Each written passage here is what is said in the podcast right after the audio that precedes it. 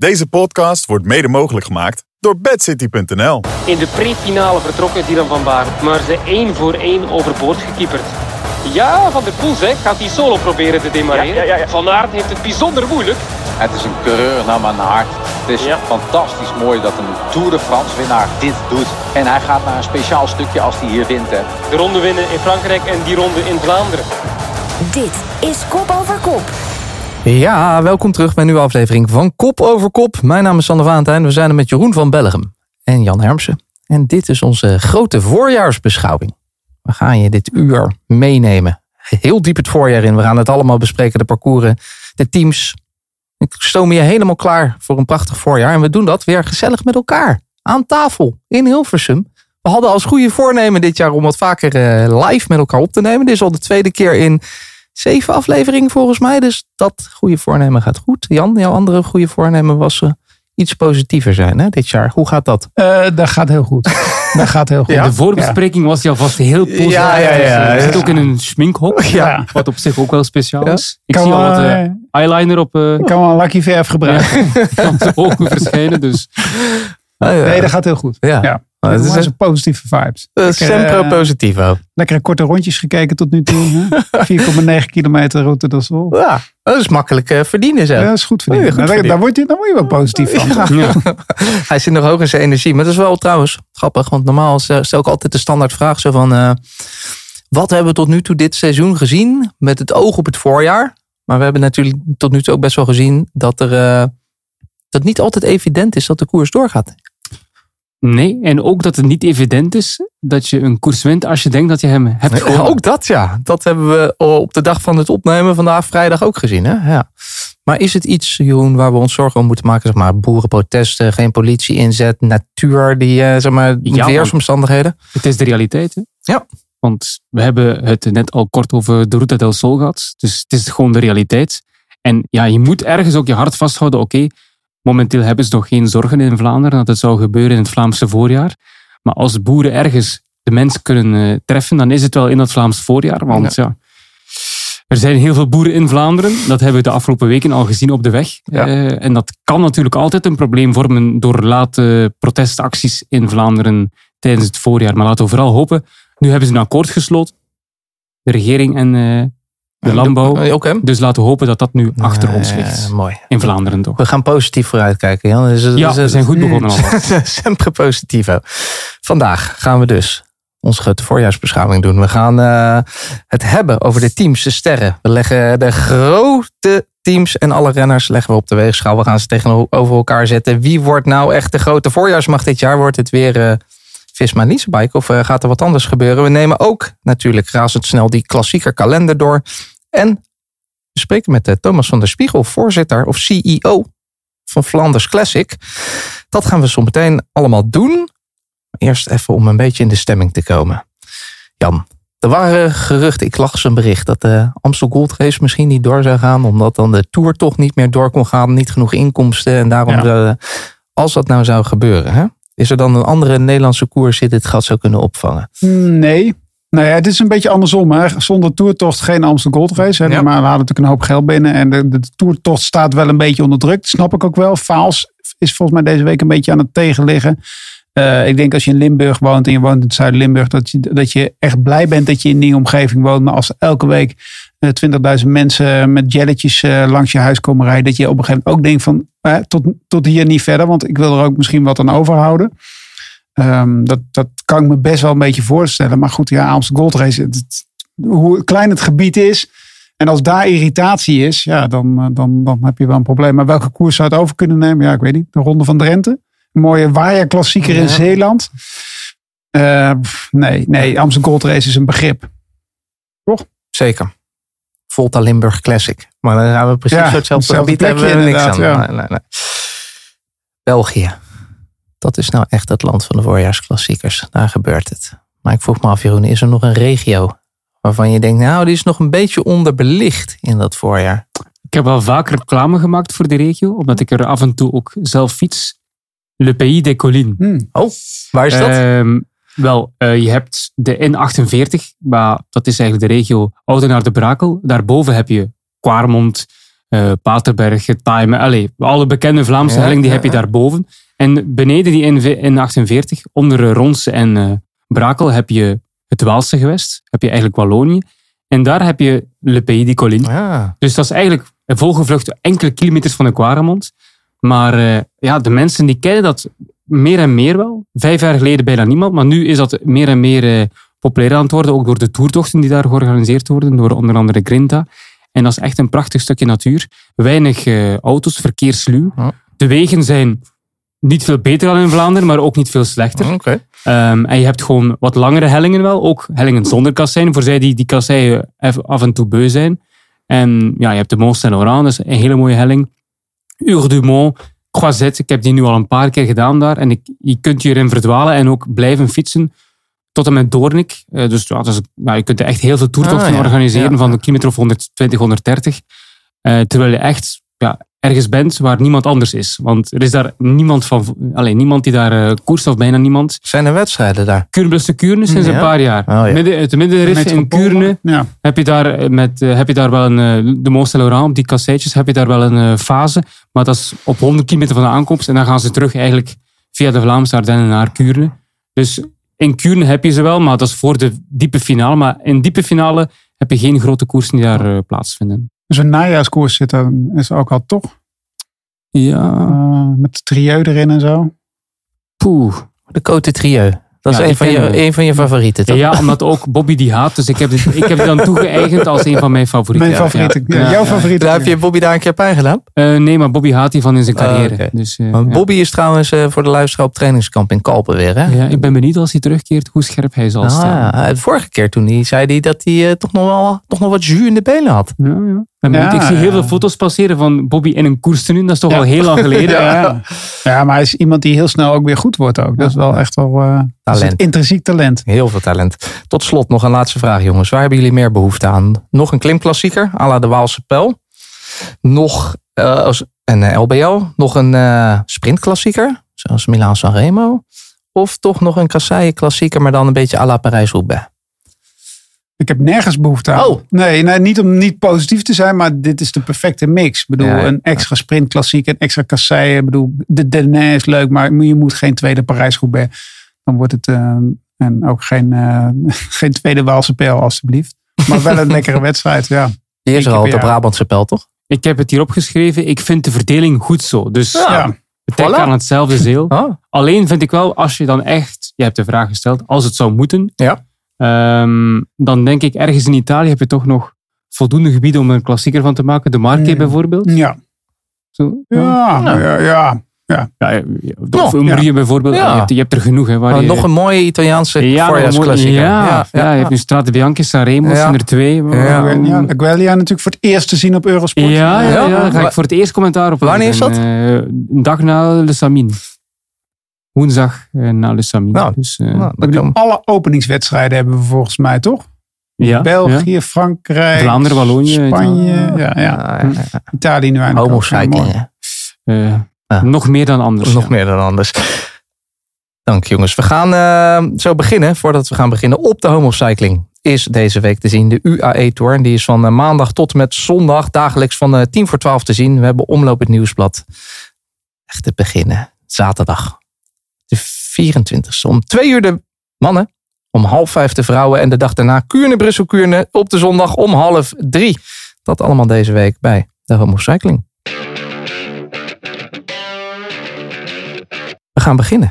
Onze grote voorjaarsbeschouwing. We gaan inzoomen op eh, de grote, sterke blokken. De ploegen, de allergrootste renners. We nemen niet alle teams hoor. Wil je naar alle teams toch nog een keertje horen? Luister dan naar onze rondje World Tour deel 1 en deel 2. Dan ben je helemaal op de hoogte. Maar we gaan ons eh, om te beginnen maar even richten op de favorieten en hun schaduwkopmannen. En we beginnen Jeroen, hoe kan het anders? Bij de man die het hele voorjaar onder de vergrootglas zal liggen. Wout van Aert en Visma Leasebike. Ik heb even statistieken oplopen zoeken gisteravond. Dat vind ik altijd leuk. In de voorjaarsmonumenten. Hij won ooit Milaan Sanremo. Maar, Jeroen? Ja? Ik zeg voorjaarsmonumenten. Hij won ooit Milaan Sanremo. Maar, hey, De coronazomer. voilà. Dus eigenlijk heeft hij nog nooit een echt voorjaarsmonument gewonnen. Een monument niet, nee? Nee. Dat klopt. Nee, nee, nee, ehm, sindsdien. Dus sinds die winst in Milaanse Remo. Tweede in de Ronde van Vlaanderen. Derde in Milaanse Remo. Zesde in de Ronde van Vlaanderen. Zevende in Parijs-Roubaix. Achtste in Milaanse Remo. Tweede in Parijs-Roubaix. Derde in Luik-Bastenaken-Luik. Dat was ik zelf ook eh, bijna vergeten. Derde in Milaanse Remo. Vierde Ronde van Vlaanderen. Derde Parijs-Roubaix. Hele mooie uitslagen. Maar eh, nog nooit gewonnen. Druk is er altijd, Jan. Opgelegd of niet. Mhm. Maar eh, ja, hij pakt het dit jaar ook anders aan. Ja, maar ja, goed. Kijk, ik, als je die, eh, je ziet die resultaten, hè, die zijn niet slecht. Eh, dus, dus, dus ik bedoel, Hij is wel positief. Ja, hij is Ja. heel positief. ja. Dus hij, is, hij heeft de afgelopen jaren heeft hij niet veel gekke dingen gedaan. En dan ga je eigenlijk ga je in je hoofd denken van ja, maar nu moet het een keer gaan gebeuren. En nu ga ik het helemaal anders doen. Nu ga ik de cross anders doen. Dan ga ik dit anders doen. Ik ga daar wat rustiger aanrijden.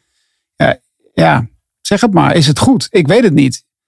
Eh, kijk, Pogacar kan zeggen van ik ga elk jaar een ander programma rijden, want ik ben gewoon aan het vinken. Maar eh, Van Aert wil gewoon twee dingen winnen en dan is zijn carrière compleet. Ik zou nooit ervoor kiezen om dingen die eigenlijk vrij goed gaan, maar die dan niet die overwinning opleveren, om het helemaal anders aan te pakken. Ik, vind het, ik vind het een risico. En ehm, ja, ik bedoel, nu heeft hij ook eh, in, in, in, Algarve had hij misschien wel kunnen winnen. En in eh Gein was hij, krijgt hij een lekker band. Dat kan in dit jaar ook gaan gebeuren. Ja. Dan heb je je hele, hele seizoen anders aangepakt. Heb je een wereldtitel cross weggegeven. Misschien was hij, eh, had, hij dan, had hij wel in de buurt van Van der Poel kunnen komen. Ik vind het nou een beetje tricky, vind ik het. Ja, maar in je reactie zit zelf al het eh, onderwerp Roubaix-Vlaanderen in, eh, in dat feit dat, dat dat het enige is wat hem eigenlijk nog rest in zijn carrière. Oké, WK-titel wel. Mhm. Maar dat zal zijn carrière denk ik niet maken of kraken. Het gaat toch vooral over die twee Mhm. koersen. Dat zeg je zelf al. Dus hij is gefocust op die twee. Dan doet de rest er eigenlijk niet meer toe in het voorjaar. Nee. Als, je, als je, stel, je bent Van Aert en je bent Gent-Wevelgem of die drie. En eh, ja, je, je wint nog dwars door Vlaanderen. Maar je wordt weer tweede in Vlaanderen of je wordt vierde in Roubaix. Ja. Dan gaan we weer zeggen op 8 april. Ja. Ja, het is weer een voorjaar eh, zonder monument geweest. Ja, ja. Dus ik snap hem wel dat hij, het, ja, dat, dat hij iets anders wil doen. Niet per se, hij moet niet per se alles omgooien. Nee. Ik denk ook niet dat hij nu per se alles omgooit, maar ik snap je wel in, de, in die zin dat hij niet te veel ook moet veranderen, want het, ging best goed. Hè? Bedoel, Ja, het- hij kon erbij winnen zonder die lekke Ja. band. Hè? Moet die anders Had hij koersen? Kan die anders koersen? Is er een andere manier waarop je zou zeggen, nou zo zou hij het kunnen proberen een keer, wat hij nog niet geprobeerd heeft? Dat hangt weer af van dag per dag hoe Ja. die benen aanvoelt natuurlijk. Om dat nu al te zeggen, twee maanden voor die koers, moet hij het anders doen. Ik, ik denk het niet echt Ik eigenlijk. had het idee dat hij bijvoorbeeld vorig jaar in Parijs-Roubaix was hij wat afwachtender. Deed hij rustiger. Ja. Nou, dat ging op zich goed, tot de lekke band. Mhm. Het is een wedstrijd die, ik bedoel, ik denk dat het voor hem heel lastig wordt om Vlaanderen te winnen. Ik denk dat dat Hm. echt de moeilijkste wedstrijd voor hem is om te winnen. En Parijs-Roubaix, ja, die, die, die- ja, dat is een wedstrijd. Ik bedoel, daar kan je, nou ja, goed, die kan niet dit jaar winnen. Maar ja, het is wel Parijs-Roubaix. Dus die kan je ook heel vaak gewoon verliezen. Ja, ja, dat, dat is zo. Dat is zo. Ik bedoel, eh, kijk, hij gaat straks op de potjo, gaat hij, eh, gaat hij, van- gaat hij Van de Poel en Pogacar nooit lossen. En dat gaat hij in, op de, in de finale van Ronde van Vlaanderen gaat hij dat ook niet doen. Als Van de Poel daar goed is, dan, dan, is hij, dan legt hij daar denk ik tegen af. En, en, en Roubaix. Het straffe is gewoon dat hij niet startte in, sta, in eh, Stade Bianca en Sanremo. Hè. Hij gaat er gewoon niet bij zijn. Nee, Dat vind ik al... Ja, hoe kun je zo gewoon kiezen om op hoogste stage te gaan? Ja. Om, ja, daar deel ik wel de mening van Jan. Om Sanremo te laten schieten, om op hoogste stage te gaan richting Vlaanderen-Roubaix. Vind ik, wel, vind ik wel wat hoor. Ja, nou ja, goed, ja. Ken ik, hij is natuurlijk de vorige keer heel goed teruggekomen. En toen won hij meteen, eh, was hij meteen heel goed toen hij van die stage terug Maar gaat dus, hij door die stage plots Van der Poel kunnen volgen op die steile hellingen Nee, in Vlaanderen? ik nee, denk niet nee, per se nee, door die stage. Nee, nee, dat denk ik ook niet. En hij kon vorig jaar al Roubaix winnen met, met de manier waarop hij het vorig jaar aanpakte. Maar ja, hij moet het zelf kiezen. En als hij het gevoel had dat hij zich moeilijk kon opladen na, na het veldritseizoen, vorig seizoen, Ja. dan moet hij dat vooral inderdaad veranderen.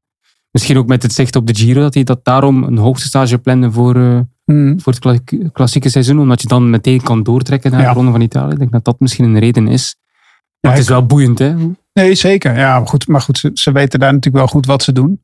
En ik denk dat hij er zelf ook wel een bepaalde invloed over eh, in heeft gehad, inderdaad. Ja. En wat hij ook doet, de druk ligt sowieso bij hem voor die Ja. twee koersen. Omdat hij ze nog niet heeft gewonnen. Ja. Dus ja, Maar het is voor Mathieu nog makkelijker. En wat Ja, dat betreft, ja. die heeft al binnen allemaal. Ja, ja, ja. En wel een ijzersterk team. We zagen op, vandaag als we opnemen het eh, team voorbij komen waarmee ze, wat is het? Ge, ge- Gewoon omloop het nieuwsblad. omloop het nieuwsblad gaan rijden. Dat is bizar hè?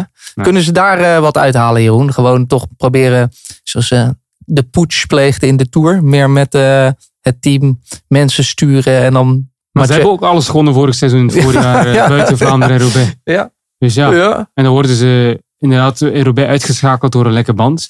Voor Van Aert, ja, ik bedoel... Ja. Ze hadden eigenlijk alle voorjaarsklassiekers kunnen winnen als Van Aert misschien niet lekker reed, buiten Vlaanderen dan. Maar dat is denk ik, in Vlaanderen zie je toch, sinds het parcours veranderd is, de afgelopen twaalf jaar, dat daar altijd de beste wint en dat je daar als ploeg, je kunt dat wel proberen denk ik, maar die finale is zo zwaar dat ik denk dat de beste daar altijd gaat winnen. Dus- Ja, of je moet iemand als benoot eh, eh, eh, ervoor hebben in de vroege ontsnapping dat hij dat het kan winnen. Dat zou kunnen. ja. Of Laporte of zo, maar je moet je, je, moet je teamsterkte uit De kunnen kans is spelen. misschien nu wel, nu wel groter omdat Ja. UAE er niet is.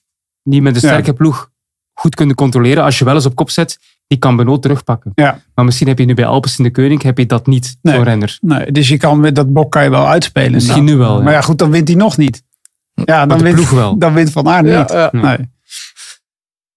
Een sterke ploeg. Vorig jaar eigenlijk tot het arrogante af bijna. Soms zo sterk waren ze. Ehm, dit jaar dus ook weer kansen. Maar niet alleen Van Aert heeft kansen. Bijvoorbeeld ook eh, Olaf Kooi. Wat wordt zijn... eh, waar zie je voor hem kansen, Jan? Ja, Gent-Wevelgem eh, toch? Die, dat is niet de belangrijkste wedstrijd volgens mij in het jaar voor, voor die ploeg. Dat hebben we vorig jaar gezien. Nee, maar voor de hem is dat natuurlijk een hele mooie wedstrijd. Ik denk dat het misschien nog wel een beetje te vroeg komt aangekomen. Hm. Zeker gezien de manier waarop Van Aert en Laporte vorig jaar rijden. Ik ben benieuwd of die er lang aan kan komen. Maar het is wel ja, jongen voor de komende jaren die dat kan. En Moet ze- dus ook niet meteen te hoog op het schild. eh, we hebben het over een jongen van 22. Ja, zo jong nog. Hij is nog vrij jong, hè? dat vergeet je ja. soms. Ja, ja. Zijn ze nog sterker geworden, vind je, Jeroen? Van Hooydonk is weg. Ja. Maar in de plaats heb je wel Jorgensen en Hagenes. Dus dat zijn twee ja, geweldige renners voor het voorjaar. Dus ja, ze zijn sterker geworden, absoluut. Ja. Nog sterker. Nog sterker. Alleen eh, die Waalse klassiekers, hè, dat blijft altijd nog een beetje een puntje. Ja, Of, Oh, ja. Wist jij nog dat hij derde was geworden van Aert in Luik Ook in die eh, corona-editie. ja, absoluut. Ja. Ah. Het zijn drie Belgen. Omdat hij toen eh, ook Vlaanderen miste. Ja. Was niet eh, het jaar dat hij Vlaanderen miste? Oh, dat zou kunnen, ja. Door corona. Dat hij dan Roubaix reed en dan ook maar Luik erbij pakt. Omdat hij Vlaanderen moest Ja. missen door corona. Is hij ook de man die dat zo voor ze zou kunnen doen? Of zitten, zie je dan toch eerder andere renners? Voor die ploeg. Ja, Het is Benoot, maar om te winnen, dat, ja, Benoot is geen winnaar, dus dat moet je niet eh, denken. Maar misschien over een paar jaar Ben Tulit, die toen hij 19 Ja. was, ik weet het nog goed, ik had toen die koers ook becommentarieerd, toen hij 19 was, drie jaar terug bij Alpesen, reed hij echt super sterk in dat Waalse voorjaar. Dus dat kan niet weg zijn drie jaar later. Dus misschien, ja, ze hebben een, eh, een eh, prestatie al geleverd in het verleden bij die ploeg om jonge renners heel goed te maken. Dus die Ben Tulit is 22 jaar, die kan echt nog groeien. Dus zo'n man voor de Waalse pijl zie ik dat wel eigenlijk. Mhm. Maar om te winnen dit jaar, denk ik, dat zie je wat Nee, je hoopt dat voor- zo'n vingerkaart het een keer gaat proberen. oh maar ja. ja, die kan dat wel. Die heeft andere doelen. Ja, die Eerst kan vijf echt- keer de Tour winnen en dan... ja, eh, die ja. kan wel Waalse pijl winnen. Ik bedoel, eh, dat geloof ik wel. Ja, zeker.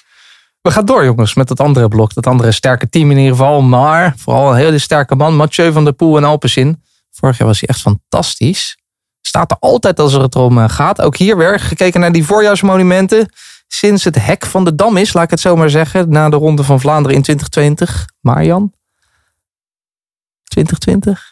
Dat is een. Ja, zie je, dat was ook weer. geen voorjaarsmonument. die jongens, die... eh, nee, Nee. nee. Maar sindsdien heeft hij dus... eh, hij heeft in totaal tien monumenten gereden sinds de ronde van 2020. Daar won hij er vier van. Hij werd nog vijfde in Milaan-San Remo. Tweede, tweede in de ronde van Vlaanderen. Derde in Parijs-Roubaix. Derde in Milaan-San Remo. Won de ronde. Negen in Parijs-Roubaix. Won Milaan-San Remo. Tweede in de ronde van Vlaanderen. En toen won hij ook nog even Parijs-Roubaix. Dit is de killer sang, Jeroen. Eh, ja, de beste renner in het eendagswerk. Met Pogacar op dit Ja. moment. Dus ja. ja.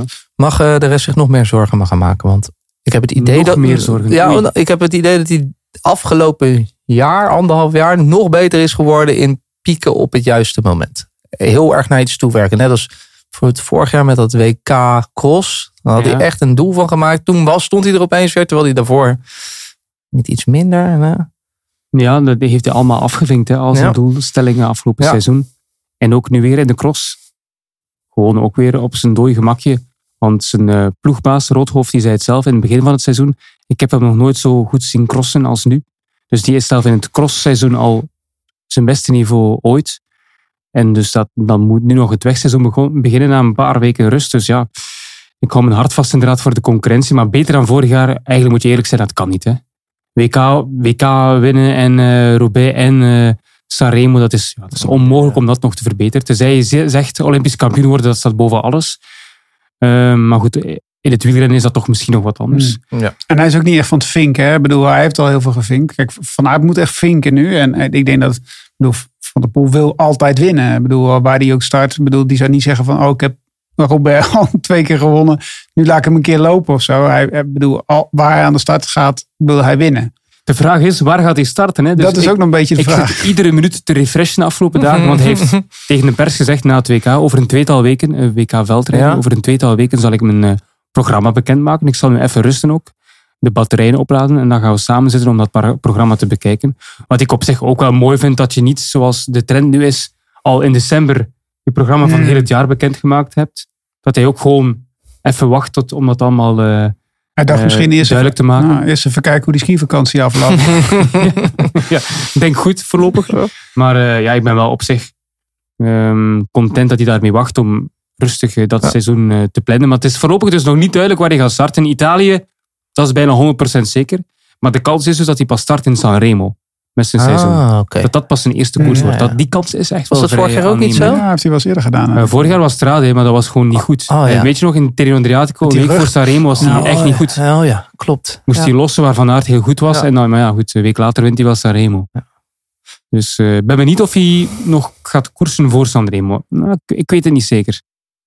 Moeilijke vraag heb ik, Jan. Hmm. Hoe is Mathieu te kloppen, überhauut? Dit Nou, voorjaar nou, in ja. races als eh, Ronde van De Vlaanderen. Ronde van Vlaanderen uh, als Pogacar meedoet, denk ik. um, uh, Milaan Sanremo, daar, daar kan hij inderdaad ook tegen die Sloveen, daar kan je hem kloppen. Zijn team is ook gewoon echt wel sterk geworden. Ik bedoel, dat is, die, die worden echt elk jaar, ondanks dat, ze, dat je niet meteen zegt van oef, dat zijn nou hele grote aankopen, worden toch elk jaar beter. Het is echt gewoon een heel goed team geworden. Uh, nee, hij is, als hij, als hij het op zijn heupen heeft, is hij gewoon niet te kloppen. Het is, bedoel, ja, in, in Lombardije is hij te kloppen. Denk ik, ja. Maar verder, waar, waar je hem aan de start schijnt. En, en in Luik misschien Ja. door een goede evenepoel. Maar verder is die jongen gewoon niet te verslaan. Kunnen we tak- tactieken, kunnen we uren over praten, maar... Nou ja, ik zeg dat zonder Pogacar dat je wel meer kans hebt als Ja. Jumbo-Visma om je blok uit te spelen. Hmm. Omdat Alpes in de Koning, ze hebben een goede ploeg, je hebt gelijk. Maar ze hebben geen ploeg zoals UAE met een Tim Wellens als nummer twee. Nee, Dat hebben nee, ze niet. Dus ze kunnen niet, denk ik, controleren Alpecin als een Brood of een Jorgensen of een Laporte of een Van Baarle weggaat. Dan hebben zij niet de manschappen om dat wel even lam te leggen. Dus daar liggen wel kansen voor de ploeg Jumbo-Visma of voor Visma Leasebike. Ik ga het nog een paar keer verkeerd zeggen, denk ik. Maar, eh, dus ik zie wel opties voor de concurrentie. Omdat de ploeg van Van der Poel, met alle respect, was logisch ook. Ze hebben niet het budget. Niet zo sterk is als de ploeg van Pogacar. Dus daar zie ik echt wel opties voor de concurrentie. Laten we het dan ook even hebben over de rest van die ploeg. Want eh, Philipsen, die deed eh, natuurlijk al eens mee eh, bijna voor de winst in Roubaix. Vorig jaar werd hij daar tweede. Hij won ook nog Eschborn, Frankfurt, Brugge de Pannen.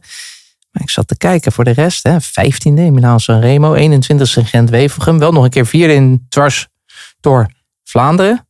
Die is niet enorm imponerend. Of ben ik nou niet eh, Je bent nu wel heel kritisch. heel ik. kritisch? Ja, toch Ja? wel. Als je Brugge de Pannen wint je wordt de tweede Roubaix. Ja. Voor het Vlaams Ja. werk is dat op zich goed als Maar- opstapje. Maar het is wel een man die Milaan Sanremo zou kunnen winnen. Of? Ja, als Pogacar niet start wel.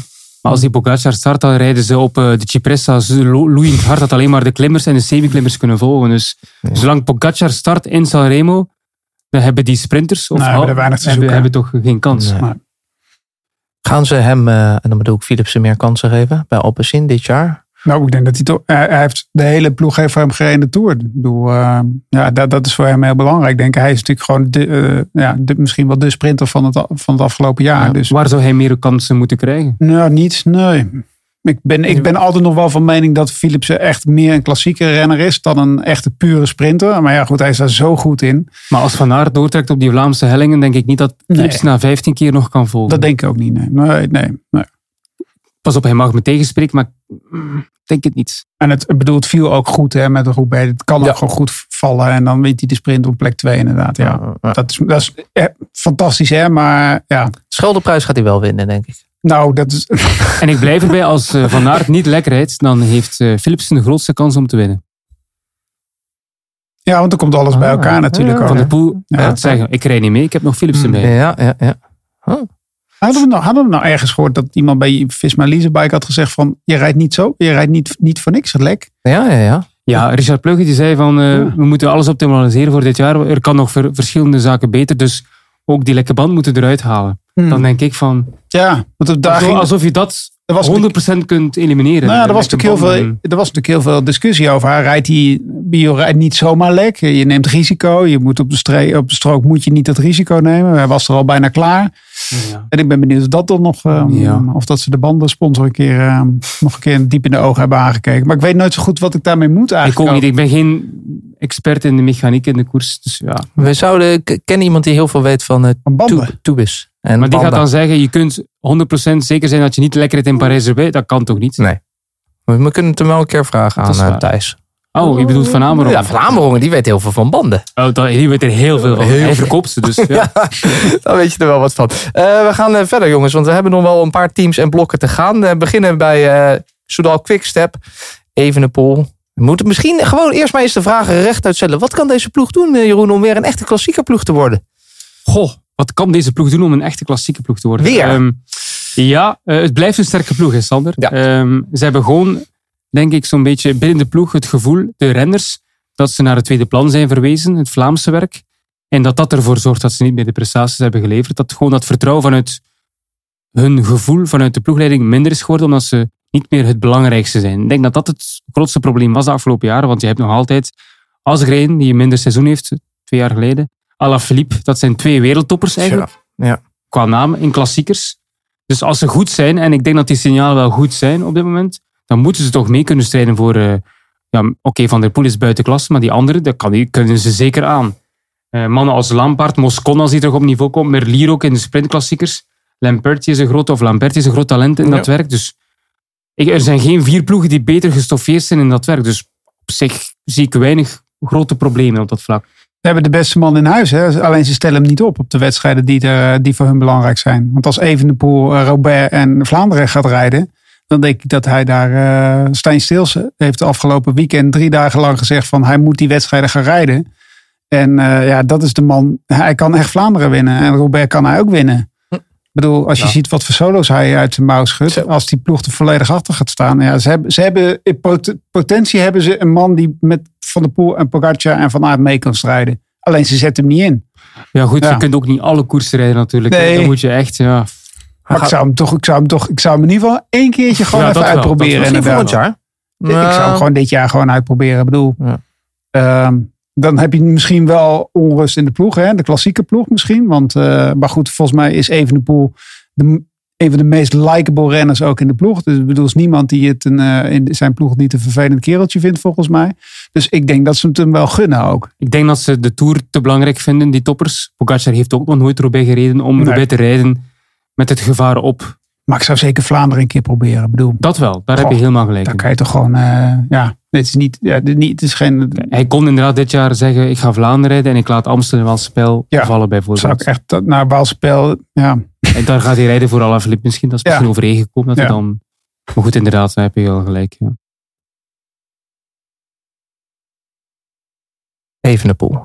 En LBL is toch jouw liefde voor hem eh, een beetje toch... eh die fanboy dom tot onvast Nee, in, de, omgekomen? in de afgelopen Giro is dat En, gekomen. Ja, ja, ja, ja. Nee, ik ben altijd een fan van hem. En ik vind het, ik bedoel, het, is een, eh, ja, ik, heb, ik vind het een super, super beleefde, vriendelijke jongen. En een, eh, een waanzinnig talent. En eh, ja, ik word ook altijd ongelukkig als ik hem op 50 kilometer aan zie vallen. Denk shit. Als eh, Een koers koersfan bent, ook al ben je fan van Evenepoel, dan ja, dat is niet het mooiste om te zien Nee. op 50 kilometer lang. Maar ja, Als je eerlijk bent. Maar Dat is wel indrukwekkend. Het is, Ja. het is zeer indrukwekkend. Ik bedoel, het waren niet de leukste versies van Luik Bastenaken. Luik moet ik heel eerlijk zeggen, die die won. Maar ja, ik bedoel, je zit er naar te kijken en je zit je echt af te vragen. Maar waarom komen ze dan niet dichterbij? Afgelopen weekend ook weer, dan rijdt hij weg in Portugal. Dan denk ik, ja, maar waarom komen ze niet dichterbij? Omdat hij zo krankzinnig hard rijdt.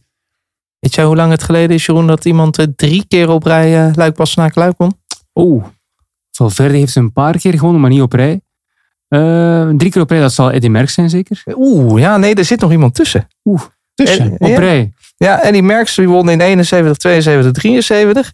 Maar in 85, 86, Hino. 87 won een Italiaan. Ah, Moreno Argentinië. Argentinië, inderdaad, Ja, ja. Ja, ja, ja, ja. Ja, oeh. Wie won dit jaar daarna? In 89. Ja? Van een Nederlander, hè? Ja? Rooks. Nee, Adrie. Adrie. Adrie, Adrie, Adrie. ja, ja, ja. Dus als uh, Evenepoel dit jaar wint, dan is het volgend jaar Mathieu van der Poel. In het gezegende jaar 1989. waar alleen toppers worden geboren. Uh, de grootste sterren komen uit dat jaar. Uh, we gaan verder. Pogacar. En uh, ja, UAE. Of gewoon, ja, gewoon Pogi, toch? Of zit er nog veel meer in, vinden jullie? Voor dit uh, klas, klassieke seizoen, Jan. Oh, ik vind het heel verstandig wat hij doet inderdaad. En hij, hij kan echt wel strepen. Ik bedoel, hij heeft nu uh, Vlaanderen gewonnen. Ik bedoel, hij hoeft echt niet nog een keer te winnen. Ook dat mm. risico hoeft hij niet te nemen. Hij heeft nu gezien, iedereen weet dat het kan. Het opent voor dus ook voor, hele, voor andere renners dus ook de mogelijkheden van... oké, okay, ja, dit is een wedstrijd die wij ook kunnen winnen. Het is niet alleen maar voor die, uh, voor die, die, die, die stoempen zeg maar uit, uh, uit Vlaanderen of andere hoeken. Even heel negatief gezegd. Het is gewoon een wedstrijd voor klassieke renners. En uh, ja... Het is ook een streepjesman, hè? Want, of, ja, ja. Vinkjesman, want hij rijdt Absoluut. nu in voorjaar Sanremo en Luik. Allebei nog niet gewonnen. Ja, Catalonië heeft hij nog niet gewonnen. Dus ja, ja, dus, hij is echt wel... Ja. En hij, bedoel, je ziet die man toch ook geen tien jaar meer koersen als je hem nu nee, dat is, on rampage ziet het is, het is niet te hopen voor de concurrentie. Nee, nee, nee. Um, wat vind je van het rest van het team? Is dat eigenlijk een voorjaarsblok? Zijn er nog mensen die, waar je rekening mee moet houden, afgezien van Wellens misschien dan? Boe, het is vooral een uh, rittenkoersenblok. Ze hebben vooral heel super, ja, supersterke ronde renners, maar één dagscoureurs. Tim Wellens in het Vlaamse werk heeft nog niet echt getoond dat hij in de grootste koersen kan strijden voor de overwinning. Mm. Wel eens dichtbij in de omloop geweest. Ook Roubaix gaat hij nu voor het eerst uh, rijden, maar ik heb zijn interviews al gelezen en gezien. Is daar ook niet zo super blij mee, denk Mm, ik. oké. Dus ik verwacht er niet heel erg veel van, van uh, in het Vlaamse voorjaar van Tim Wellens. Nee. Gek eigenlijk, hè? Zo'n klasbak. Inderdaad. Ja, maar ik denk niet, uh, kasseien en wringen en zo, dat dat echt iets voor hem is. Je moet me even helpen. Oei.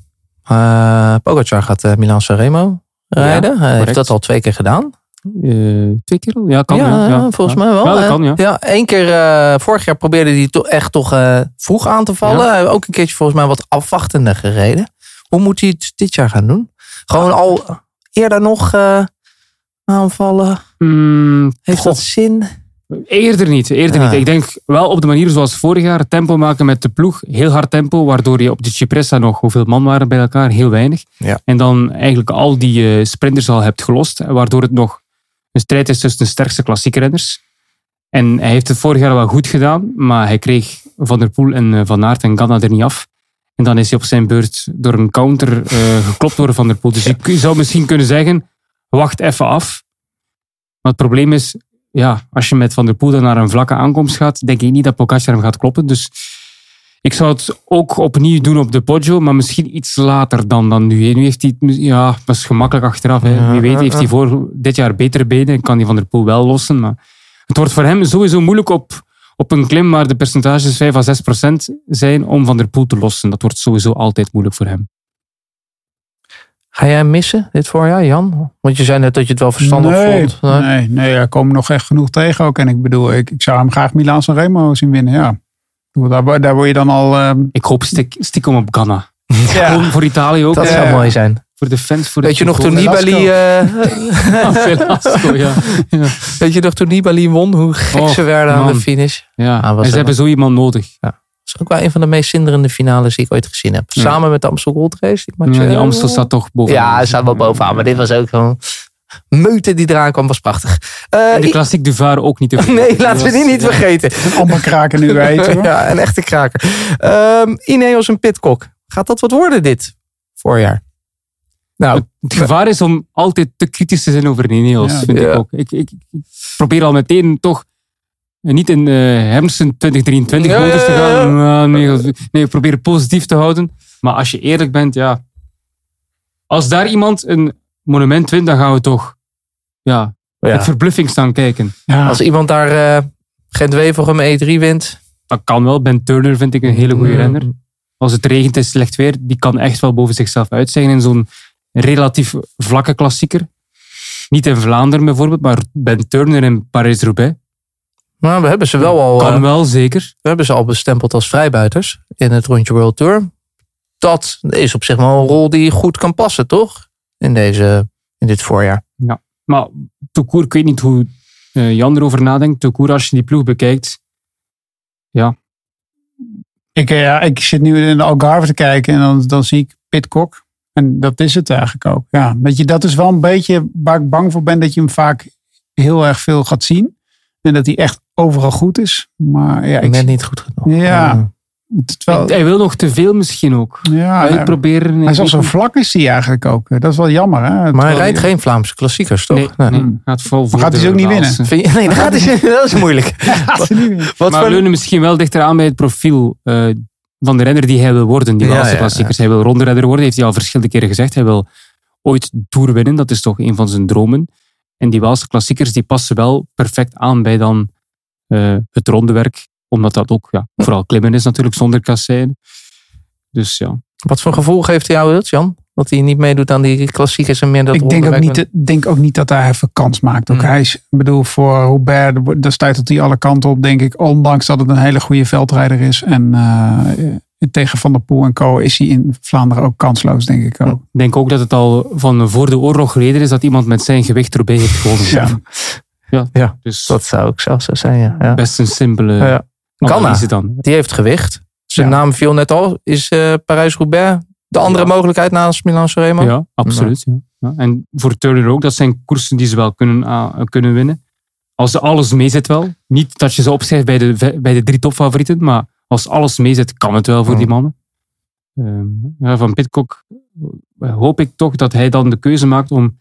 Ja, ik weet het, ik, ik heb het ook al met Skelmoze gezegd, dat is een beetje mijn paradepaardje. Ik zie Pitcock niet in het huidige rennerschilde de Tour winnen. Nee, de komende jaren wordt het wel lastig inderdaad. Dus ja, ga je dan voor een vijfde plek met de naam als Pitcock voor een vijfde plek zijn? Of ga je dan toch, toch dat eendagswerk belangrijker vinden? Maar goed, dat moet hij zelf maken, hè, Ja. die keuze. Safety best voor Lest. Mm, Misschien niet de best, maar wel echt iets goeds hebben we bewaard voor het einde. Little Trek en eh Mats Pedersen. Want die is al echt op eh dreef hoor, die Pedersen. Hij was heel vaak eigenlijk best of de rest. Dus niet de best of de les. Maar eh, nu een heel sterk team. Dit jaar misschien gewoon niet eens de best of de rest. Maar gewoon de best. Best of de best. Poeh. Op basis van de inkopen? Of... Nou, nou, op basis van hoe die tot nu toe koers dit jaar. Maar tegen wie? Ja, dat is wel zo. Ja. Met alle respect, Ja. Axel Zengel, een goede renner. Mm. Maar dat was de best of the rest hè, in die koersen Mm. die Pedersen reed. Dus Nee, ja, niet te veel nee. waarde aan hechten nog dus. voor het voorjaar die komt, nee. Nee, je moet hopen dat het slecht weer is in, eh in Roubaix en in Vlaanderen. Ik denk dat, die, dat het weer voor hem heel belangrijk is. Ja. Maar ja, goed, hij gaat nooit van de boel eh, lossen. Eh, eh, op een Normaal klimmetje. niet. Nee. Tenzij ze het op een tactische manier kunnen Mm. spelen. In een ideale wereld van Baarle, Benoot of Laporte. Maar we zijn nu al heel concreet. Maar goed, stel je maar eens voor Ja. dat die eh, de wei uitgestuurd worden door eh, Van Aert. Ehm, en dat iemand als Pedersen dan meegaat. Dat is zijn kans om Vlaanderen Ja, te winnen. ja, Zoals hij trouwens ook Mm. vorig jaar deed. Hè. Ja. Hij viel al aan voor de anderen aanvielen. En hij kwam op die manier wel derde door aan de aankomsten voor Van Aert in de Ja. Ronde van Vlaanderen. Omdat hij op die manier in de finale geraakt. Dus dat is zijn manier, denk ik, om Vlaanderen te Ja. winnen. En Roubaix kan, hè, als, ja, als hij een topdag heeft en het zit mee. Ja. En stel nou, eh, Mathieu komt zometeen met zijn programma. Die zegt, nou, ik doe de ronde, ik doe Parijs-Roubaix. Ik doe misschien nog even Eterietje, maar de rest. Is het dan niet gewoon verstandiger voor hem om echt te focussen op andere dingen. Zoals Gent-Wevelgem, dwars door Vlaanderen. Kijken waar je echt een kan topper, winnen. hè, die, die Ja. wil de grootste koersen winnen, toch? Hij rijdt op podium. eh, Dus ja, nee, hij moet. Hij Ja, is wereldkampioen geworden. ja, het kan zijn kant ook opvallen. Hè. Absoluut, hè. Ik bedoel, Wat vinden jullie van het team? Sterk genoeg om die andere grote blokken aan te kunnen? In het voorjaar? Eh, twijfel. Ik zie twijfel. ja. Het, het grote blokje Mo Vis- Visma Ja, het Leasebike niet, hè. Nee. Daarachter komen ze op plek 2 met een paar andere ploegen, denk ik. Het is meer een ronde ploeg eigenlijk ook. Daar hebben ze op ingekocht. Niet echt op. eh, niet echt op Wel Tim de Klerk gekocht natuurlijk, Ja. dat wel. Maar ja, Is het een voorjaarsblok? nee. Vind ik, ja, dit is niet sterk genoeg tegen die andere voor, voorjaarsblokken. Dat niet. Dat kan het wel worden, want ze hebben wel, wel Ze hebben talent. Pedersen, Stuyven, Kiers Ja. vind ik een uitstekende knecht, Ja. Teuns ook, Holen. eh, Quinn Maar- Simmons. Ja. Maar dat zijn ook weer niet jongens waarvan ik denk van goh, die streept die, zet die tegen Laporte benoot, trad Nee, nee, En, nee. Visma Leasebike staat Ja. er ver boven. Hè, maar Nee. ik vind wel dat ze op een niveau komen van... Soudal?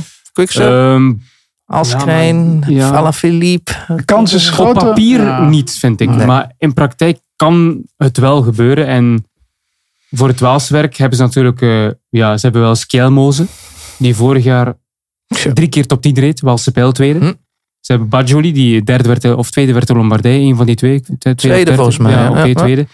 Dus op papier hebben ze wel een ploeg die je kunt naast Quickstep zetten, maar ze hebben geen Evenepoel of Pogacar of Van der Poel. Nou, ze hebben Pedersen is net iets... Ja, ze hebben Pedersen. Ja, ja. ja steen goed. Maar ja, Ja, super, ja. ja. En ze hebben stuiven. En dat was toch, hè, heeft toch al Kuurne Brussel Kuurne gewonnen, omloop, Milaanse Remo.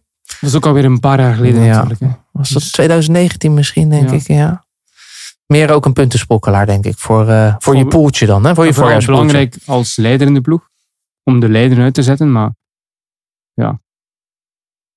Het is, het is een ploeg met supersterke renners. Maar ze hebben niet, ja, ze hebben niet die ene superkampioen. Ook niet in het rondewerk trouwens. Doet Nijs ergens mee, Jeroen? Hij begint zijn seizoen op de weg in de Romandie. Dus pas in mei. Oh, oké. ja, maar die heeft, een hele, maar die heeft een heel crossseizoen gedaan. Hè. Dus niet zoals Van der Poel en eh, Van Aert. Die is begonnen in Waterloo en Beringen. Hè. Dat is september. Hè. Is Ja. hij beginnen crossen. Dus was mag hij dat heel niet goed. onderschatten. Ja, nee. Hij won in september al een cross. Hè. Misschien pas voor, voor, voor latere jaren, dat hij echt in het voorjaar... ik trouwens heel verstandig vind. Ja. Langzaam brengen. Eh, Jonathan Milan, Jan. Dat is natuurlijk ook nog een sterke jongen die ze Ja. hebben. Die kan ook wel wat overleven en dan in een sprint winnen met een kleine groep. Die kan ook die kan Parijs-Roubaix wel winnen. Ja, dat kan wel. Ik bedoel, die zie ik het eerder winnen dan dat ik het uh, Ganna zie winnen eigenlijk ook. Ehm, ja, sterke gast. Ja, dat is echt wel. Ik ben echt wel benieuwd waar zijn mogelijkheden liggen. Ik, ik bedoel, ik vind hem nog steeds geen sprinter. Ik vind hem gewoon echt lomsterk. En, eh, maar goed, hij wint sprints. En ja, we hebben het gezien ook met overtuiging. Hè? Maar het is, ja, het, is, het is wel een geweldig atleet. Jullie zijn naam viel net al. Hebben ze, kunnen we eigenlijk concluderen dat, dat eh, Little Trek gewoon het hele voorjaar overal op het podium kan staan, maar nergens echt wint? Die kans is groter dan dat ze wel winnen, denk Ja. ik. Ja, absoluut. Ze gaan wel een semi-klassieker winnen. Dat denk ik wel. Ik denk dat Pedersen echt wel Kuurne, Brussel, Kuurne kan winnen of zo. Dat, dat, dat, Ja. en, echt- Schelmoze, Ja. ehm Waalse Pijl start Pogacar niet, dacht ik. Mm. Of Ja, weet ik wel. nu niet van buiten. Ja. Wel, wel, wel Waalse Pijl? Oké. Ja. Ja. Ja. Anders had Schelmoze zeker ook die koers kunnen winnen, bijvoorbeeld. Wat vind jij eh, het sterkste blok? Tot slot, Eh, na, Visma Leasebike. na, Visma. Eh, na Visma Leasebike. Dat vind ik een hele moeilijk. Want ik vind UAE eigenlijk ook... Ja, ik bedoel, ik ben zo'n fan van Tim Wellens. En ik hoop dat hij eindelijk eens een keer een geweldig voorjaar rijdt. En als dat zo is, ja, dan vind ik ze best wel oké. Ehm, maar ja, Hm. ja. Jongens, we gaan tot slot nog even een rondje doen. Een soort verrassing. Hè? Maar verrassing is altijd moeilijk. Dan zeggen jullie altijd, ja, verrassing. Als ik wist wie de verrassing was, dan eh, was het geen verrassing meer. Of was je steenrijk geworden. Gewoon op Bad City. Beetje geld op inzetten. Kan allemaal. Het moeilijke is vooral dat je dus geen renners mag pakken die het dit jaar al goed hebben gedaan. Of renners die al bekend zijn in ons luisterschlit. Dus Ja. dat wil zeggen dat je echt ver moet zoeken. Nou, je moet gewoon mensen waar je hoge verwachtingen hebt van dit jaar. En dan niet de Mathieu's en de Pogacars van deze wereld. Maar van wie verwacht jij? Drie Nederlanders, Jan. Drie Nederlanders. Ik begin met eh, degene die eh, top 10 gaat rijden in Parijs-Roubaix. Ik heb nog niet gekeken of hij hem gaat rijden. Maar ik ga er even vanuit dat hij het gaat doen. Maar Daan Holen zit in de vroege vlucht. Oh, huh? En eh, gaat het daar echt heel, heel goed doen. Gaat heel lang mee. Eh, gaat met grote banden meesluipen. eh, sluipen en denkt dat hij zesde wordt. Oh. En ik denk dat dat wel een goede is, toch? Voor Dat is een hele goeie. Ja. Ja. Een Belg. Ik heb een tegenhanger. Oké. Het verhaal van Dan Holen mag je vervangen door Laurens Rex. Ah ja. ja. Berensterke coureur, beetje hetzelfde type. Mhm. Nog jong. Denk nog iets meer rijden voor zichzelf, Rex, dan eh, Holen. Eh, gemaakt voor koersen als erbij, maar ook semi-klassiekers. Een koers bijvoorbeeld, daar kan hij eigenlijk dit jaar al een prijsje rijden, denk ik. Iemand die belangrijk is in de sprintvoorbereiding. Voor een Gerben Thijssen ook. Maar hij is echt super sterk, nog jong ook. Eh, Ik denk dat hij niet eens weet hoe goed hij wel is. Dus dat is ook een coureur die ik verwacht in het Vlaamse voorjaar, die het beter zal doen dan men misschien vooraf vermoedt. Een andere Nederlander, Jan.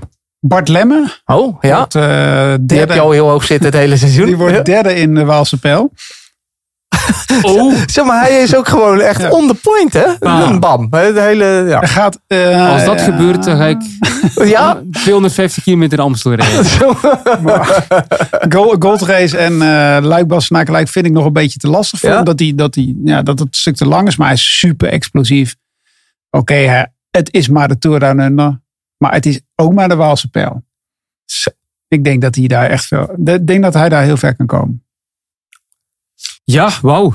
Ja. Derde in de Derde de Waalspel. Lemmens. Als dat gebeurt, ja, en als hij, als hij tweede De wordt, volledige toertocht van de Amstel die toch niet doorgaat. Dus eh, ideaal. Volgend jaar. Ja, Oké, shit. Ja. Heb je een, eh, tweede bel voor mij, Jeroen? Eh, ja, Alex Zegaerts. eh een van mijn persoonlijke favorieten. Ik heb de eer gehad om hem tijdens een van die galas langer dan een half uur te spreken. Met zijn broer erbij. En ja, het is een slimme kerel, dat wist ik al. Maar heeft heel veel ambities, zelfvertrouwen. eh, ja, supertalent. Vorig jaar al tweede op het BK na de heer, de heer eh, Remco Evenepoel. Hm. Ehm, absolute wereldtop bij de beloften. Niet alleen tijdrijden, maar ook eh, wegwedstrijden. Ehm, dus ja, het is iemand die over een paar jaar, denk ik, echt een van de absolute wereldtoppers gaat worden op de weg. En dus die ook heel snel die sprong gaat maken naar de profs. Ook omdat je merkt dat hij de afgelopen jaren heeft een studie als ingenieur. Dus ook dat er nog bij heeft genomen. Weliswaar op een iets lagere pitje. Dat kan in Vlaanderen iets gemakkelijker dan in Nederland, denk ik ook. Ehm, dat je maar een paar studiepunten meepakt per jaar. Maar hij heeft nog marge. Hm. En als je ziet wat voor ja, evolutie hij vorig jaar heeft gemaakt, en als hij dat dit jaar nog eens kan doen, ja, dan zie ik hem ook eh, grootste dingen eh, doen. Heb je nog een klapper tot slot? Eh, ja, Dries van Gestel. Oh, Dat is een klapper. hè? Ja, dat is wel. Nee, Dries van Gestel, die rijdt bij Total Energies. En ik vind dat echt een supercoureur. Iemand die een beetje ondergewaardeerd wordt ook in Vlaanderen. Omdat we nu eenmaal zoveel goede eendagscoureurs hebben. En hij is nu vrij van Sagan binnen die ploeg. Ja. En zo echt wel het speerpunt ook in het Vlaamse voorjaar. En heeft ook af en toe pech dat je denkt van hoe kan het nu weer dat hij hier lekker rijdt en dan toch nog de top 20 rijdt in Vlaanderen bijvoorbeeld. Dus eh, zeer constant. En eh, hij is ook heel goed in positioneren, altijd op de juiste plek. Toen Girmay de ronde de Ja. Werd hij derde, vierde in die sprint. Dus eh, iemand die onder de radar altijd eh, acteert, maar dit jaar ja, gaat hij... eh, ik moet nu ook Jan Hermsen uitspraak doen. Top 5 E3 halen. oh zo. Nou, dat vind ik niet echt een... Oh, ja, geen- ja, dat E3 mag wel is- eens- was spel E3 is ongeveer hetzelfde. Top 5. Niet zo scherp als jij ze stelt. Nee, dat, ik vind ja, Ja, ja, wat Jan zei. Dat is dan, wel een eh, beetje belachelijk eigenlijk ook inderdaad. Maar Nee, maar we hebben het genoteerd en eh, het is oké. Alles is opgenomen. oké. Dries van Gestel, heb jij nog een andere klapper? eh, Eh, nou, ik, denk dat, ik denk zelf dat Mathieu van der Poel het best wel aardig Dan moet je echt wel, die zou ik echt wel in je poeltje zetten. Daar moet je Van opletten. zou ik ook wel meepakken. Eh, even kijken, wat ik het... ehm, een band die we niet gaan zien, en dat, dat vind ik ook jammer. Ja. Dat moeten we ook eigenlijk even benoemen. Die gaat niet de, de grote wedstrijden rijden, Taken van de Hoorn. Mm. Dat vind ik eigenlijk ook... Die gaat niet winnen, maar ik wil hem wel even benoemen op plek drie. Mm. En Van der Poel, ja, dat mag duidelijk zijn. Dat maar die mag mocht ik niet noemen, Dat toch? mag je niet. Nee, maar dan even... heb je toch nog even gedaan. ja. Dat is ook weer typisch Hermsen. Dat toch nog even, hè? Je mag drie namen noemen. Ik De doe er toch bij. Van Ja, wat een verrassing. Eh, Als die niks wint, dat zou een verrassing dat, zijn. is- ja, dat is een hele grote verrassing. Gaan wij verder. We gaan namelijk verder met de koersen. We gaan eh, de, alle wedstrijden, of niet alle, de grote wedstrijden gaan we snel doornemen. Voordat we dat gaan doen, hebben we een klein speedrondje. Eendagswedstrijden die net iets minder bekend zijn. Een beetje onder de radar liggen, maar toch wel altijd eh, de moeite waard zijn om te kijken op Eurosport of Discovery+. Plus. Bij elke koers heb ik eigenlijk dezelfde vraag. Wat maakt deze koers zo leuk? En we gaan dat natuurlijk in een speedrondje met een muziekje doen. Ik ga hem aanzetten. Jullie horen het niet. Maar geloof me, als je dit terugluistert, het staat eronder. Prachtig. Voilà, daar is het opeens. Prachtig. Jeroen, we gaan beginnen. 27 februari hebben we Le Samet. Waarom is dit zo leuk? Je ziet me al... eh, Ja, ik zie je handen wrijven. Ja, verkneukeld toekijken. Wel, eh, dat is de meest Vlaamse koers in Wallonië. Eh, dat alleen al is fantastisch. Eerste opdracht van het jaar. Het is mistroostig. Als je het landschap ziet, dan eh, word je nog negatiever dan Jan Herms in 2023. Echt, maar het is een semi-klassieker waar altijd open wordt gekoerst. Altijd wind, altijd regen. Eh kassein, eh, ja, ik vind het eh, een hele mooie wedstrijd. Echt oprecht niet op te lachen. Het is echt een... eh, eh, een koers met, ja, met kassein, korte hellingen, smalle wegen, slechte wegen ook. Ja, genieten van start tot finish van de uitzending. Mooi. Eh, 13 maart hebben we nokere koersen. Afgezien van het feit dat het vlakbij was waar je getrouwd bent. Waarom is dit zo leuk om naar te Oh, kijken? mijn voorbereiding volledig weg. Eh, op die dag wordt ook Milan terrein gereden. Ja. Iedereen moet naar die koers kijken. Maar voor de rest, waarom moet je nu naar nokere koersen kijken? Ja, omdat nokere koersen een koers is met heel veel eh, geschiedenis, historie. En je hebt die topkoersen waar een Laurens Rex, een eh Dries van Gestel, Van der Poel en Pogacar niet kunnen kloppen. Ja. Maar nokere koersen, daar zijn die toppers niet. Dus daar kunnen zij wel hun moment of fame beleven. En dan zie je heel vaak grote emoties na de aankomst, omdat dat de coureurs zijn die weten, dit was mijn kans en ik heb hem gegrepen. Dus Ja. een koersen voor de subtoppers. 14 maart hebben we dan de GP Dunne. Jan, dat is echt eentje voor jou. Waarom is dit ook voor de andere luisteraars leuk? Dat, is, ehm, ja, dat, is, dat is mini-Roubaix eigenlijk ook. Hè. Een paar stroken zelfs eh, pakken ze mee van eh Roubaix. Een paar hele vreselijke stroken. De afgelopen jaren kwamen er ook nog eens een keer wat klassementsrenners rijden... toen er een eh, Roubaix-rit in de Tour zat. Dat zal di- dit jaar niet gebeuren. Maar het is een, ja, op een, een donderdagmiddag voor de televisie zitten... en kasseien en slechte wegen en Noord-Frankrijk. Wat wil je nog meer? Ik weet het niet. Misschien de Volta Limburg Classic op 30 maart. Mini, ja, het zijn allemaal minis. Hè? Ja, Mini. Amsterdam Gold Race ja. ook. Eh, ja, dat is een wedstrijd waarin eh, voor Nederland heel belangrijk. Dat die, deze wedstrijd is. Oké, Amsterdam Gold Race is ook belangrijk. Maar Volta is natuurlijk gewoon voor, ja, voor, de, voor, de, voor de. Die zegt niet de mindere goden, Ja. maar de jongens die en eraan komen en die de kans niet krijgen in de allergrote klassiekers. Wel echt een mooie wedstrijd. Prachtige finale altijd. Eh, Ook door de voorstreek nog. Hè? Dus de ook leuk. voerstreek Ja. eh, kennen we zelf ook inderdaad. Moet Ja. je een goed materiaal hebben als je er doorheen komt. eh. en volgens mij was het de afgelopen jaren echt pest weer. Dus eh, dat, is, dat speelt ook nog altijd wel mee. Kan het op 28 april nog best weer zijn in de Van, van Ardennes Classic? Als je de Famin Ardennes Classic hoort, waaraan denk je dan? eh, Eh, Jan? losschietend pedaal. Slecht materiaal. Streek van Arnaud. Ja. Ja. Dat is zijn thuisregio, dus ik denk meteen Arnaud Delis. Speciale koers. Maar is hij op 28 april? Dat wist Ja, ik ook niet, dat nee. heb ik nu gehoord. Ja, Ja. alsjeblieft. Oké. Ja. Dat was Ja, wij zitten dan in Giro-modus. Ja, dat is altijd eind van toch? Normandie, eh, maar, maar je moet zeker de koers. Ja, zeker. Ga die kijken. Op eh, Eurosport en Discovery Plus. De muziek kan weer uit. We komen weer tot rust. We gaan door met de grote jongens. Eigenlijk hebben we hier ook steeds dezelfde vraag. Waarom is deze koers dit jaar de moeite waard om te kijken? En we beginnen natuurlijk bij de omloop. Op 24 februari kan je die zien vanaf 2 uur op Eurosport en op Discovery Plus. Waarom is deze koers dit jaar de moeite waard om te kijken, Jan? Ik ben volgens mij de enige wielervolger die niet in december zegt... nog zoveel dagen tot de omloop. Ja? Ik verlaat bij deze. En dat is niet omdat ik, niet, eh, dat ik de omloop geen leuke wedstrijd vind. Maar ik denk altijd, het jaar is al best wel bezig eigenlijk ook. En de omloop vind ik eigenlijk ehm, vind ik echt een prachtige wedstrijd. Maar, Maar niet zo mooi als de Ronde van Omaan. Je hebt gelijk. maar niet zo mooi als de Ronde van Vlaanderen. Want in de Ronde van Vlaanderen is iedereen er. En in een omloop is niet iedereen Nee, er altijd. nee. En dan denk je van shit, want dit is echt de wedstrijd waar iedereen naar uitkijkt. En dan is niet iedereen er.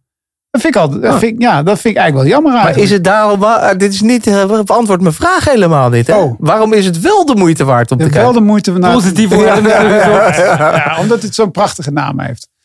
Omloop het volk. Eh Oh, ja, omloop het nieuwsblad. Nou, genoeg reden Nee, om te gaan kijken. ja. Het is de opening. Die moet je gewoon gaan kijken. Daar zit je voor klaar in de zetel met een zakje chips.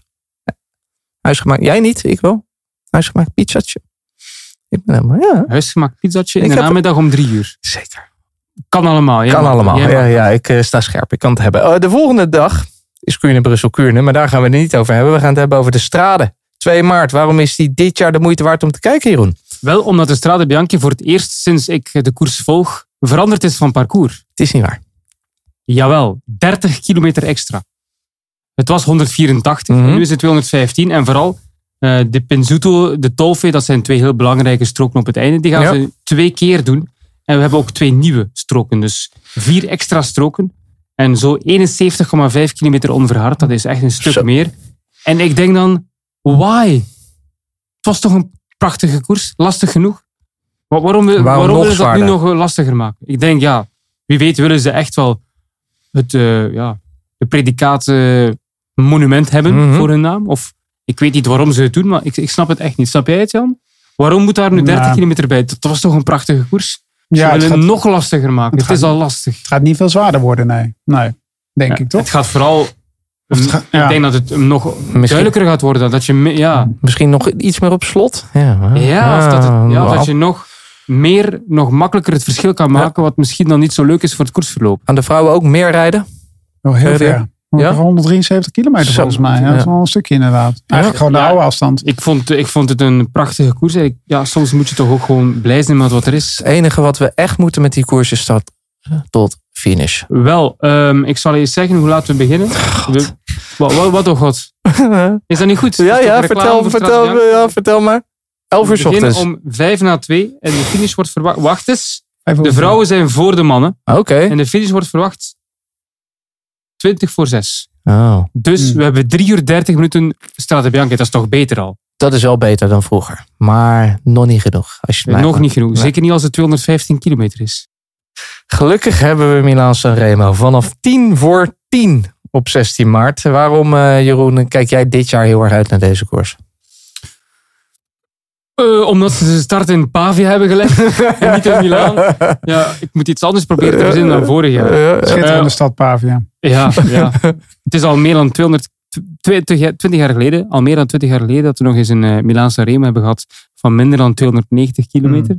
Uh, maar waarom moeten we dit jaar kijken? Omdat Van Aert er niet is, waardoor misschien die, um, ja, die, die koers zelf anders gaat verlopen. Hm? Misschien dat we andere, een andere dynamiek. andere renners van Visma Leasebike een kans krijgen? Ja, wie weet. Hm? Olaf Kooi. Bijvoorbeeld. En zo'n lange hè, La Primavera. Het, de echte start van de lente is altijd de moeite waard om te kijken. De langste dag van het jaar voor uh, Jeroen van Belgen. dat sowieso, ja. Uh, de E3 Saxo Bank Classic. 22 maart zien we die. Waarom, Jan, is het dit jaar de moeite waard om te gaan kijken? De Heilige Week, hè? Het begin van de Heilige Week. Uh, dat is natuurlijk uh, de, de, de, koers met de meest rare naam die er is, genoemd naar een snelweg. Dat is natuurlijk een beetje gek inderdaad. Uh, waarvan ik vroeger altijd dacht van, waarom heet dat in godsnaam de E3-prijs? Maar nu weet ik het inderdaad, vanwege die snelweg. Maar het is mini-ronde van Vlaanderen. En uh, ja, goed, je, moet, je hoeft hier niet goed te zijn, maar het is wel lekker. En uh, ja, de hele week voorbeschouwen, kranten staan vol. En over drie dagen, ik heb hem nu toevallig eergisteren in de persconferentie. Persconferentie en de bekendmaking van de E3-banner. Ah. 19 februari. Ik heb ze hier voor me de uitnodiging. Ik verlang. Ja. En eten erbij toch altijd? Daar mag niets over worden. uh, we hebben Gent-Wevelgem op 24 maart. Waarom is hij dit jaar de moeite waard om te kijken, Jeroen? Uh, waarom? Omdat we opnieuw de Plug Streets hebben. Ja. Opnieuw um, kunnen genieten van de Kemmelberg. En hopelijk weer regen en wind zien. Ja, omdat de Gent-Wevelgem um, historie is. Omdat de Gent-Wevelgem de oorlog ademt, jammer genoeg. Um, en dat het voor mij altijd weer een uh, ja, koers is die veel betekent in mijn uh, geboortestreek. En omdat je altijd wel prachtige koers krijgt. Ieder jaar opnieuw. Dit jaar wordt hij niet weggegeven, denk ik, hè? Dat zeg jij. Hmm. Dat zeg jij. Dat weet ik niet. Of die niet wordt weggegeven. Als uh, Mathieu van der Poel met Johnny Vermeers aan de streep gaat, ja, dan Johnny Vermeers denk ik Gent veel gaan winnen. Denk het wel, ja. Dat, dat denk ik wel. Dat is ook weer een bolte uitspraak. Het was voor Vlaanderen hebben we op 27 maart. Waarom is hij dit jaar echt de moeite waard om te kijken, Jan? Ja, dat hij op de kalender een stuk beter staat dan die Uh, nou, de laatste jaren stond hij er ook al wat beter op. Maar de, daarvoor was het natuurlijk altijd een beetje een, een, een, ja, een toetje waar niemand eigenlijk zin in had. Mm -hmm. Eigenlijk ook. Uh, ja, uh, er zijn best wel veel wedstrijden in Vlaanderen. Maar nu heeft hij echt wel een standing gekregen. Ik bedoel, niet, de grote favorieten zullen hier niet uh, op een allerbest zijn. Waardoor je misschien een heel interessante koersverloop krijgt. Wat minder, ja, wat minder zeg maar, waar we het nu al een half uur over hebben. Wanneer gaat vanuit, wanneer gaat Van de Poel waar je naar kijkt. En dan gewoon een keer echt uh, wat interessantere koers. Hm.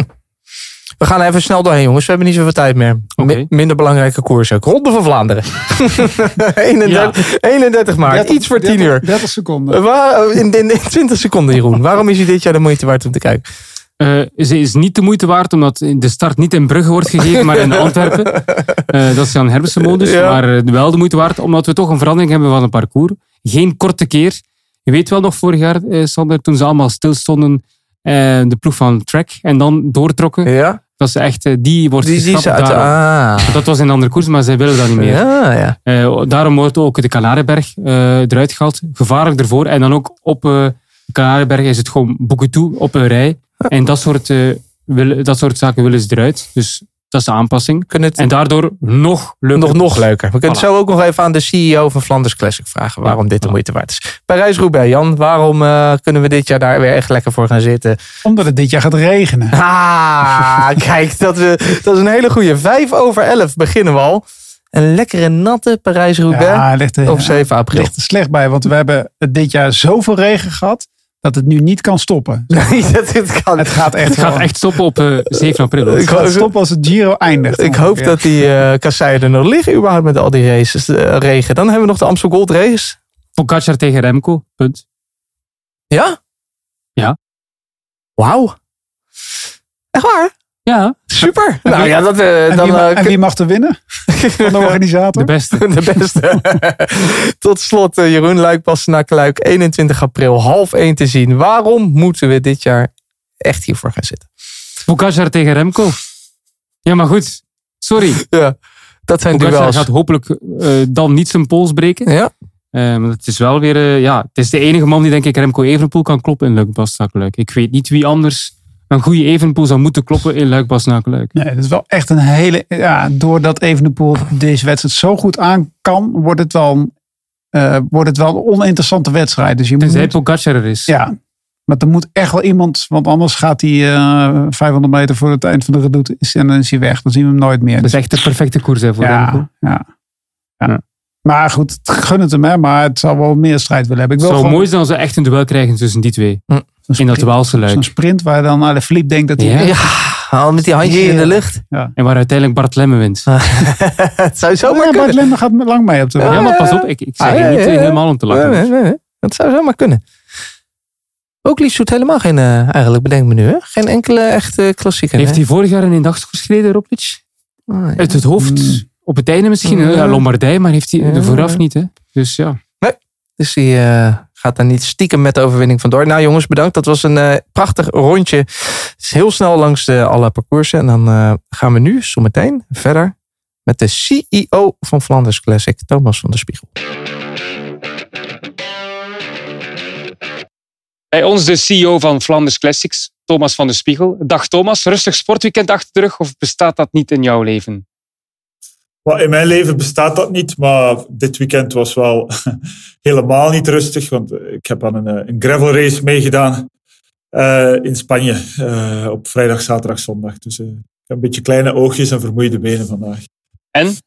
Goede uitslag of was het daar niet op te doen? Er waren, er waren 300 deelnemers, waarvan 190 elite. Dus eh, Oei. daar, daar, stopt mijn. eh, mijn eh, nee, ik ben tevreden met de vorm. En, Oh, er waren nog meer dan 50 eh, na mij in de algemene rangschikking. Zoiets. Perfect. Is het een ambitie voor later misschien? Of later, de, de nabije toekomst, dat je je meer wil richten op het gravel zelf? Of is het meer vanuit je functie dat je de gravel wat meer gaat bekijken overal rond? Maar ik ben, ik ben een heel gepassioneerd fietser. En ehm, ik ben wel, eh, ja, ook wel een gepassioneerd gravelaar. En de streek rond Girona leent zich daar heel erg toe. Dus je, je kan me daar wel eh, in mijn vrije tijd af en toe vinden. En eh, ik doe dat heel graag. Hè. En ik ben natuurlijk eh, niet gebouwd, eh, te groot en te zwaar om te fietsen. Maar eh, binnen een paar maanden doe ik ook mee aan een, aan een gravelwedstrijd van 360 kilometer. Dus ik ben eigenlijk in volle voorbereiding. 360. Veel, succes, zou ik zeggen. Eh, Oké, van gravel naar veldrijden. Het is een kleine stap voor ons focus op het wegseizoen. Ja, nog even iets kort over dat eh, wereldbeker. eh, over die wereldbeker veldrijden, dat concept. Veel commotie geweest over de kalender, over het opzet van die wereldbeker ook. Iedereen met een hart voor de cross wil eigenlijk gewoon dat het, de veldrijd er goed uitkomt. Dat zal je ook zelf beamen, denk ik. Mogen daar binnen, binnenkort uh, Witter ook verwachten? Want ik hoor wel dat de beslissing genomen is, maar dat nu een beetje wachten is op de, op de communicatie daarover. Of klopt dat niet helemaal? Maar ik denk dat we nog uh, een aantal kleinere discussiepunten hebben uh, daaromtrent. Um, maar ik denk dat iedereen het er wel over eens is. Dat we toch wel um, het veldrijden uh, licht moeten hervormen. We moeten niet alles weggooien. Want als je ziet hoe het veldrijden ook de voorbije jaren onder impuls van die vernieuwde wereldbeker toch wel geprofessionaliseerd is uh, op heel veel niveaus. Ook terug een stuk internationaler geworden is. Niet alleen met nieuwe bestemmingen binnen de wereldbeker, maar ook met het hoogste aantal nationaliteiten, liet ik me vertellen, uh, in deelname aan het recente, recentste WK.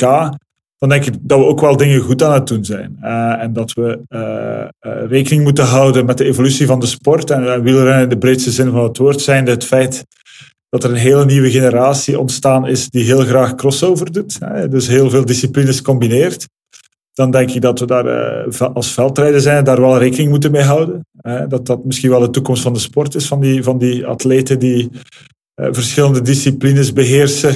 Ook in het veldrijden te mogen verwelkomen in de winter en dat we ons daar moeten aan aanpassen. En ik denk dat, dat, uh, nu, ja, dat, dat we daar nu in die laatste rechte lijn zitten om, om, om toch wel voor de komende jaren goed te zitten op dat vlak is het dan meer de focus op uh, de drukke kerstperiode, waar al die toppers die crossover doen, zoals jij zegt, daar die wereldbekermanches te organiseren? Of niet per se, niet per se dat soort... eh, Maar ik denk dat de kerstperiode al druk, druk genoeg is. ja, Maar wat we vooral denk ik moeten vermijden, en het gaat niet alleen over, eh, over de weg, maar het gaat ook over het mountainbiken, het gaat ook eh, binnen een paar jaar waarschijnlijk over het gravel gaan, dat er zo weinig mogelijk eh, keuzes moeten gemaakt worden. En ik denk dat de maanden december en januari eh, perfect zijn voor het veldrijden, als, als hoogtepunt van het seizoen. Wat niet wil zeggen dat er niet vanaf september of oktober mag eh, in het veld gereden worden natuurlijk. Maar ik denk als je je top-evenementen eh, kan centraliseren eh, rond die maanden, en ondertussen is al publiek geheim geworden dat dat toch wel de intentie is eh, van een aantal partijen, ja, dan denk ik dat het veldrijden daar heel goed kan bij varen. Het is, echt bijna alleenheerschappij binnen het wielrennen in december en januari op, op, op de voorbereidingsstages en wat voorbereidingswedstrijden na op de weg. En ik denk dat we, dat ons daar moeten op focussen in de toekomst. Ja. Het eh, wegseizoen dan. Over een paar dagen is het natuurlijk zover, omloop het nieuwsblad. Is dat dan de drukste voorbereiding of de drukste periode van de CEO van Flanders Classic, die voorbereiding op het Vlaamse voorjaar? Of eigenlijk vanaf de omloop begint, is dat nog drukker? Dat wel Dat, benieuwd eigen- gaat, dat gaat niet heel naar. raar klinken, maar eigenlijk is het klassieke voorjaar een van mijn rustigste periodes. Vanaf Eh, zaterdag eigenlijk, ja. Ja. Ja, omdat, ehm, en zelfs ja, nu, weet je, ehm, we hebben ondertussen 60, 70 evenementen per jaar. eh, dus het is nooit echt niet druk. Eh, op de maand juli misschien een na, in minder mate dan. Maar, ehm, maar, eh, maar mijn werk bestaat er niet in om, om, om, echt te organiseren. Ik ben niet echt heel erg betrokken bij het operationele. Natuurlijk ben je altijd wel de eindverantwoordelijkheid, ben je graag op de hoogte van alles dat er gebeurt. En zijn er nu wel, best wel wat operationele meetings, maar er zijn hier heel veel mensen eh, die daarmee bezig zijn, die dat veel beter kunnen dan mij, die perfect weten wat er eh, de komende zes, zeven weken allemaal moet gebeuren. Ehm, en en, en ja, ik, ik, ben erbij en ik mag het eh, eh, mee aanschouwen. En, eh, ja, dat En uitleggen ook. jaar- ja, en dat loopt elk jaar heel erg goed. Dus ja, wij kunnen niet anders dan tevreden zijn met de organisator, organisator die wij ondertussen geworden zijn. En, en, en alles dat daarbij komt kijken. Eh, maar het is niet zo dat het hier plots. eh, het is voor mij altijd druk. En nu, wat hier wel heerst, hè, want ik ben nu op kantoor momenteel. Ja, er heerst hier wel zo'n gezonde nervositeit zo in aanloop eh, naar, naar de omloop elk jaar. Hè. Zoals dat, dat voor alle wiel- wielerfan geldt, geldt dat hier ook wel. Hè. Als ik hier buiten kijk, zie je de enveloppen met accreditaties en met alle stickers liggen. En, en dat is wel, ja, dat, dat geeft wel iets elk jaar. Hè. Is toch een soort eerste schooldag terug, waar we met z'n allen naar uitkijken. Ik denk ook de locatie in het Kuipje, met de bussen die daar binnen staan, de Floralienhal en zo. Het heeft ook wel iets unieks. Eh, en eh, ja, eh, wij noemen het altijd, hè, we zijn daarin een beetje chauvinistisch misschien, maar we noemen het altijd de echte start Ja, van, het, van, het, van het wielerjaar. En, en daar zijn we best trots op dat dat nu, nu zaterdag opnieuw gebeurt. Zijn er grote veranderingen op til voor dit voorjaar, waarvan wij nog niet eh, op de hoogte zijn? Ik bedoel, tot en met de Amstel, die ook nu van jullie is. Zijn er daar grote aanpassingen op til? Mm, Niet alleen Nee, niet echt. Ik- niet echt. Ehm, ja, links en rechts wordt wel eens een parcours gewijzigd. Voor alle duidelijkheid, trouwens, de Amstel is pas vanaf volgend jaar. Hè. We gaan dit Ah, jaar heel goed meekijken. 2025. Ehm. Ja, en eh, vanaf 25 ehm, wordt die door ons georganiseerd. eh, samen natuurlijk met Leo en zijn team. Maar, eh, maar er zijn geen hele grote aanpassingen. Ik denk eh, qua parcours dat de grootste aanpassing dit jaar eh, in de Ronde van Vlaanderen zit. Omdat we daar toch wel de voorbije jaren met een aantal issues op het vlak van veiligheid. Ik denk dat veiligheid iets is dat ons allemaal aanbelangt. en is hier een van de stokpaardjes. En, en als je team dan komt met een aantal suggesties rond het parcours van de Ronde van Vlaanderen, ja, dan kan je niet anders dan volgen. Dus daar zit een, een, een wijziging in die niet echt heel veel verschil zal maken naar sportief verloop, maar die de wedstrijd wel veiliger zal maken. Ja, misschien wel een klein beetje. Als je die korte keer bekeek de afgelopen seizoenen, waar je toch telkens hetzelfde zag, dat een bepaalde ploeg dan blok erop, die eh, wegblokkering, dat we dat, dat niet meer zien. Dat is toch ook een van de redenen, denk ik. Buiten veiligheid. Ja, dat, ja heeft er, ze- er waren twee punten. Hè. Ik denk de korte Ja. keer is er één van. Eh, de aanloop naar de Koppenberg ook, ehm, die, ja, waar er toch wel op hele kleine wegen eh, heel snel in die afzink gekoerst werd. En dan eh, ja, de afdaling eh, richting Ronse om dan op te draaien naar de Canarieberg, ehm, waar Girmay vorig jaar ten val kwam. Dat waren een aantal punten waar we toch wel heel kritisch eh, naar gekeken hebben en waar we op zoek gegaan zijn naar oplossingen. om, om het koersverloop toch wel veiliger en ook een stukje eh, te proberen maken vanaf dit jaar. Ja, we hebben net kort gehad over de Amstel Gold Race. We hebben heel veel Nederlandse luisteraars. Er zijn toch grote zorgen over die Nederlandse klassieker in de toekomst. Ehm, de wedstrijd is nu ook vanaf volgend jaar in jullie handen. We hebben vandaag een belangrijke stemming, denk ik, hè, van die gemeenteraad van Vaals. Dat is vandaag ook. Hoe zijn jullie daar nu al in betrokken of helemaal niet eigenlijk? Of probeer je dat toch een beetje te beïnvloeden om het ja, op een positieve manier te laten evolueren? Uh, laat me zeggen dat ik het wel van nabij volg, want het heeft natuurlijk wel uh, best wat uh, impact, mocht dat het geval zijn. Maar dat we met Leo natuurlijk een fantastisch ambassadeur daar nog altijd hebben. en dat de komende, die dat de komende jaren ook zal zijn. Die ook een heel goede organisator is. En die ook wel daar heel erg kort op zit. Dus ik heb wel dagelijks contact gehad de voorbije week ook met Leo. ook omdat, omdat we op zoek moeten naar een manier om in de toekomst met z'n allen toch wel het fietsen te blijven promoten. fietsen zit sinds COVID ook heel erg in de lift. Uh, iedereen fietst tegenwoordig. Ja, dan moeten we toch wel een manier gaan zoeken om, om, om, om met alle partijen aan tafel te kunnen gaan en te gaan zoeken naar de juiste oplossingen. Uh, ik ben er ook wel van overtuigd dat de stemming vandaag in Vaals ook wel hopelijk positief zal uitdraaien. Ehm, die signalen zijn er toch in elk geval, maar we moeten wel uh, niet door te verbieden, maar door te gaan samenwerken en gaan kijken van hoe kunnen we, hoe kunnen we uh, hier samen uh, beter van worden. En ik denk dat dat voor iedereen in de regio daar is, een van de mooiste fietsregio's misschien wel in Europa, dat we toch wel moeten ervoor zorgen dat, dat iedereen daar beter kan van worden en iedereen zich daar ook goed kan bij voelen. En dat moet de bedoeling zijn. Dus we willen gewoon ook aan tafel gaan en zorgen dat dat dat dat in orde komt. Over de in Vlaanderen hebben we daar, ja, ja. hebben we trouwens in Vlaanderen ook daar issues over of totaal niet? Ik kan me niet voorstellen dat die toertochten in Vlaanderen op de helling staan, want die, niet dat er een gemeente durft daar aan te komen.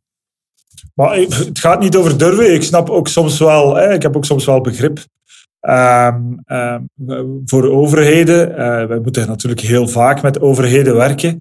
En, en je snapt ook wel dat het niet makkelijk is in, in deze tijden. Hè, uh, om, om, iedereen tevreden te houden. Eh, mobiliteit voor de, voor, de, voor de zwakke weggebruikers verbetert heel erg de laatste jaren. Maar dat betekent ook dat de mobiliteit voor de, voor de sportieve fietsers er soms eh, niet beter op wordt.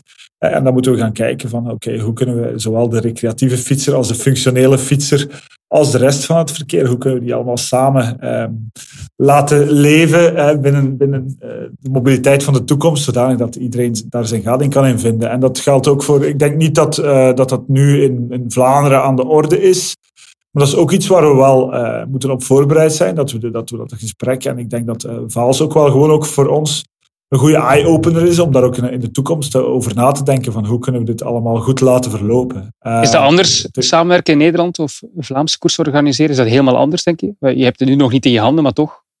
Ja, ik denk, ik denk, ik, denk, dat het wel wat anders is natuurlijk, maar het is ook anders om in West-Vlaanderen of in Limburg iets te organiseren in Vlaanderen. Dus uh, net zoals het anders is uh, tussen Vlaanderen en Nederland. Dus um, ik denk dat, dat we daar moeten gewoon heel flexibel in zijn, altijd constructief meedenken. En dat is ook wie wij willen zijn. Uh, is altijd op zoek te gaan naar oplossingen en niet in problemen te denken. En ik denk dat er voor dit soort, ik denk dat dit een soort luxe problemen ook af en toe zijn, waar er toch wel oplossingen voor te bedenken vallen. Ja, dat is nu concreet over volgend jaar, over dit jaar, de, de parcours en dergelijke. Maar er wordt ook heel wat van verwacht. Iedereen, denk ik, over 2026. De plannen daarvoor. Er zou een grote aanpassing op til zijn in de World Tour. De kalender op zich ook al. Uh, hebben jullie daar al een paar keer overleg gepleegd met uh, de heer Lapartij? Of gebeurt dat meer boven jullie hoofd? Of dat, is dat echt in overleg? Maar ik denk dat, dat die gesprekken al 15 jaar lopen ongeveer. en ik denk dat iedereen er zich wel van bewust is um, dat uh, de wereld ondertussen heel erg geëvolueerd is en dat uh, heel veel sporten ook heel snel geëvolueerd zijn en dat we met z'n allen moeten kijken van hoe kunnen we ervoor zorgen dat wielrennen uh, een prominente, lees, prominentere plaats zal kunnen innemen in de toekomst. We zijn een, een sport met echt met wereldwijd potentieel, die heel groot is in bepaalde markten, maar die ook heel veel potentieel onbenut laat. En eigenlijk moet het de bedoeling zijn van met al die partijen nog steeds uh, aan tafel te gaan. Te gaan kijken van hoe kunnen we hier richting toekomst ervoor zorgen dat wielrennen uh, er beter van wordt. en die gesprekken lopen al heel lang en die zijn nu geculmineerd in, in wat genoemd wordt one cycling de voorbije jaren. En die zijn wel wat geïntensifieerd de voorbije maanden. Maar het is wel de bedoeling dat het een inclusief project is dat waar iedereen bij betrokken is en waar iedereen zich ook terug kan in vinden. Uh, en waar iedereen er ook beter van wordt. En of dat, dat dan nu ASO is, of, um, of de UCI, of anderen. Ik denk dat het de bedoeling moet zijn dat, dat iedereen betrokken wordt, iedereen er beter kan van worden.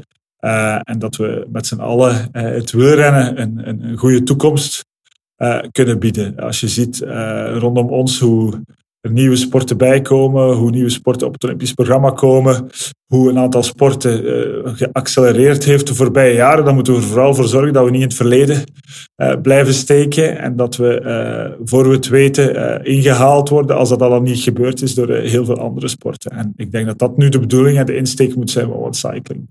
Ja, Lapartijn die had het over een niet-overlapping van een kalender voor de komende jaar. Ik denk dat jullie daar weinig probleem mee hebben in het Vlaamse voorjaar precies. Misschien Catalonië dat dan zou verdwijnen of op een andere plek op de kalender. Maar die one-cycling, staat dat er niet los van? Want ja, we hoorden toch al dat vanuit UCI daar niet bepaald heel warm over wordt gereageerd. Of is dat één geheel, die voorstellen voor die niet-overlapping, die 2026 one-cycling, is dat allemaal het, hetzelfde dat, onderwerp, dat is allemaal ontstaan uit de, dat wil zeggen dat dat allemaal ontstaan is uit dezelfde grote meetings uh, de voorbije jaren. Uh, en dat we nu op zoek moeten gaan naar een manier ook om dat, om dat te laten werken. Uh, en dat niet iedereen daar exact dezelfde ideeën over heeft vandaag, dat lijkt me niet meer dan logisch. Ik denk dat er ook nog een aantal meetings nodig zijn de komende maanden. Uh, het is niet zo dat dat, dat plots wekelijkse meetings zijn. Hè. Dus daar gaat altijd best wel wat tijd over hè, om, om, om die ideeën allemaal naast elkaar te leggen. Uh, wat ons, als ik voor het Vlaams voorjaar of voor, uh, voor de Amsterdam Gold Race of voor Zwitserland moet spreken, um, waar wij nu ook aandeelhouder zijn, de Ronde van Zwitserland, um, dan, uh, dan is het soms wel jammer hè, dat je een aantal rijders, renners misloopt. Uh, omdat de kalender zo druk is vandaag. Hè. Dat, dat, je de Ronde van Vlaanderen organiseert, die te boek staat als de, de grootste en mooiste eendagswedstrijd ter wereld. Uh, met het meeste aantal mensen uh, langs het parcours. en dat je daar niet alle toprenners die in aanmerking zouden kunnen komen voor de overwinning hebt, dat lijkt me wel heel erg jammer. Bijvoorbeeld ook de cross en, en, de weg dan, als ik even mag. Dat is komende zondag. Dus dezelfde dag is de laatste cross van het seizoen Oosmalle. Oké, het is dan misschien een andere vergelijking, maar toch ook weer twee dezelfde sport op dezelfde dag in hetzelfde landsdeel die elkaar toch een beetje conflictueren. Want wij bijvoorbeeld bij Eurosport zenden die cross niet eens uit, omwille van het feit dat je de UAE-tour hebt en Kuurne. Nee, nee, dat, dat, snap ik helemaal. Maar wij lopen bijvoorbeeld met de Ronde van, van Vlaanderen soms renners mis die, die ervoor kiezen om de dag erna in Baskeland te, te beginnen trainen. Want dat zien ze dan als een voorbereidingskoers. En dat, ja, dat is toch wel altijd jammer als je, dat, als, je, als je daarmee geconfronteerd wordt. Met de Ronde van Vlaanderen hebben we nog het voordeel dat de wedstrijd groter is dan de rijders, hè, dan, de, dan de renners. Hè, en dat je daar geen zorgen moet over maken. Maar dat geldt voor heel veel, heel veel wedstrijden op vandaag. En eh, ja, dat is best wel, dat is best wel jammer uh, dat dat zo is. Dus uh, ik denk dat. Jullie moeten ook met Catalonië waarschijnlijk, hè, moeten jullie ook jullie tijds uh, schema aanpassen naar, uh, naar Gent. Ja, of, bij Gent Catalonië moet je ook afstemmen toch op elkaar. Hè? Ja, wij doen dat. Uh, als het nodig is, doen we dat wel. Voor de grote wedstrijden, hè, voor Gent Wevelgem, Ronde van Vlaanderen, doen we dat natuurlijk minder. maar voor een aantal andere wedstrijden doen we dat wel. ook nu zaterdag is, ik zei daarnet, is de officiële start toch een beetje van het seizoen, maar de UAE-tour is ook bezig. Dus dat, dat, is allemaal een beetje jammer en ik denk dat niemand daar beter van wordt op vandaag. En daar moeten we op zoek naar meer structuur uh, in de toekomst. Uh, maar ik denk dat de geesten daar wel rijp voor zijn. En heb je daar concrete voorstellen voor dan, wat betreft die aanpassingen waar je nu over spreekt? Is dat dan echt puur over die niet-overlapping of ook over meer commerciële ideeën? Ja, ik denk dat het nu echt nog prematuur zou zijn om daar concreet op in te gaan. Ik denk dat iedereen ondertussen weet dat er heel veel wel wat loopt en dat er heel veel uh, gepingpongd wordt, zoals we dat noemen, uh, over en weer momenteel. Uh, maar het is vooral belangrijk om nu eerste interne meetings te hebben en te weten waar iedereen staat, alvorens dat we daarmee naar buiten komen. Ik denk dat dat geen enkele zin heeft en dat het alleen maar voor meer speculatie zou zorgen op dit moment. En ik snap dat ook wel, want iedereen is er heel erg benieuwd naar, maar dat gaat ons niet heel veel vooruit helpen. Ja, tot slot, je hebt verschillende functies. Hè. Ook uh, als bestuurslid vermoed ik in het basketbal. Um, hoe combineer je dat allemaal? En hoe waak je ervoor dat je, ja, je lichaam en je geest niet protesteren? Maar je hebt twee jaar geleden, toen, we- toen we trouwens samen ergens moesten zijn, ook een eh, eh, meeting, eh, de, toen moest je afzeggen omwille van een eh, fysiek probleem, een groot fysiek probleem. Ja, ik heb toen, ja, eh, het is nog steeds onverklaarbaar, maar ik heb een aantal bloedklonters in mijn longen gehad en dat was eh, redelijk acuut toen, Eh, ja, bijna twee jaar geleden. Maar ik ben wel iemand die zich altijd goed verzorgd heeft of probeert fit te blijven. En nu meer Met de gravel bijvoorbeeld. Onder andere, ja. Ik heb ondertussen, we zijn half februari, ik heb al meer dan 2000 kilometer op de teller dit jaar. Dus dat is wel goed gefietst voorlopig. Eh, elk vrij moment zit ik wel op mijn rollen of eh, ergens eh, in het weekend nog snel, snel een rondje erbij. Maar ik probeer wel ehm, fit te blijven en me goed te verzorgen. En tegelijkertijd, ik heb ook de luxe, denk ik, en het privilege dat ik, eh, dat ik elke dag mag in de sport werken. Of het nu voetbal is of basketbal of wielrennen het voelt ook niet als werk. Hè? En dan eh, kan, je, kan je wel best wat meer. Eh, ik heb nog nooit eh, het gevoel gehad. Ik, ik ben 18 jaar profbasketballer geweest en sindsdien altijd in de sport gewerkt. Dus ik heb nog Wat nooit het gevoel gehad. Prof, prof zijn als basketter of nu? Het werk dat je nu doet. Als je zou mogen kiezen. Ehm, t- dat is een hele moeilijke. Ehm, eh, ik kan er heel lang over doorgaan, maar ehm, het, het, profbasketballeven was iets makkelijker dan dit. Eh, maar nu maakt het misschien meer verschil. Dus eh, het, het, het heeft allebei wel iets. En ik ben blij dat ik mijn weg gevonden heb, ook na een professionele sportcarrière. En dat ik me elke dag mag toeleggen op dingen die ik graag doe. Eh, Dankjewel Thomas. Dan wil ik je alvast een eh, veilig vooral en spectaculair voorjaar toewensen. Dank je wel.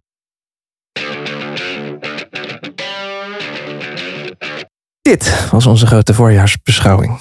We zijn er helemaal klaar voor. Jij nu hopelijk ook. Het wordt weer een heerlijk voorjaar. Alles is natuurlijk te zien op Discovery Plus. Zonder reclame, met commentaar. Je kan het allemaal gaan volgen. Een beetje alles is ook natuurlijk te zien op Eurosport 1. Jan zei het al helemaal aan het begin van deze uitzending. We hebben nog meer dan ooit op de Home of Cycling.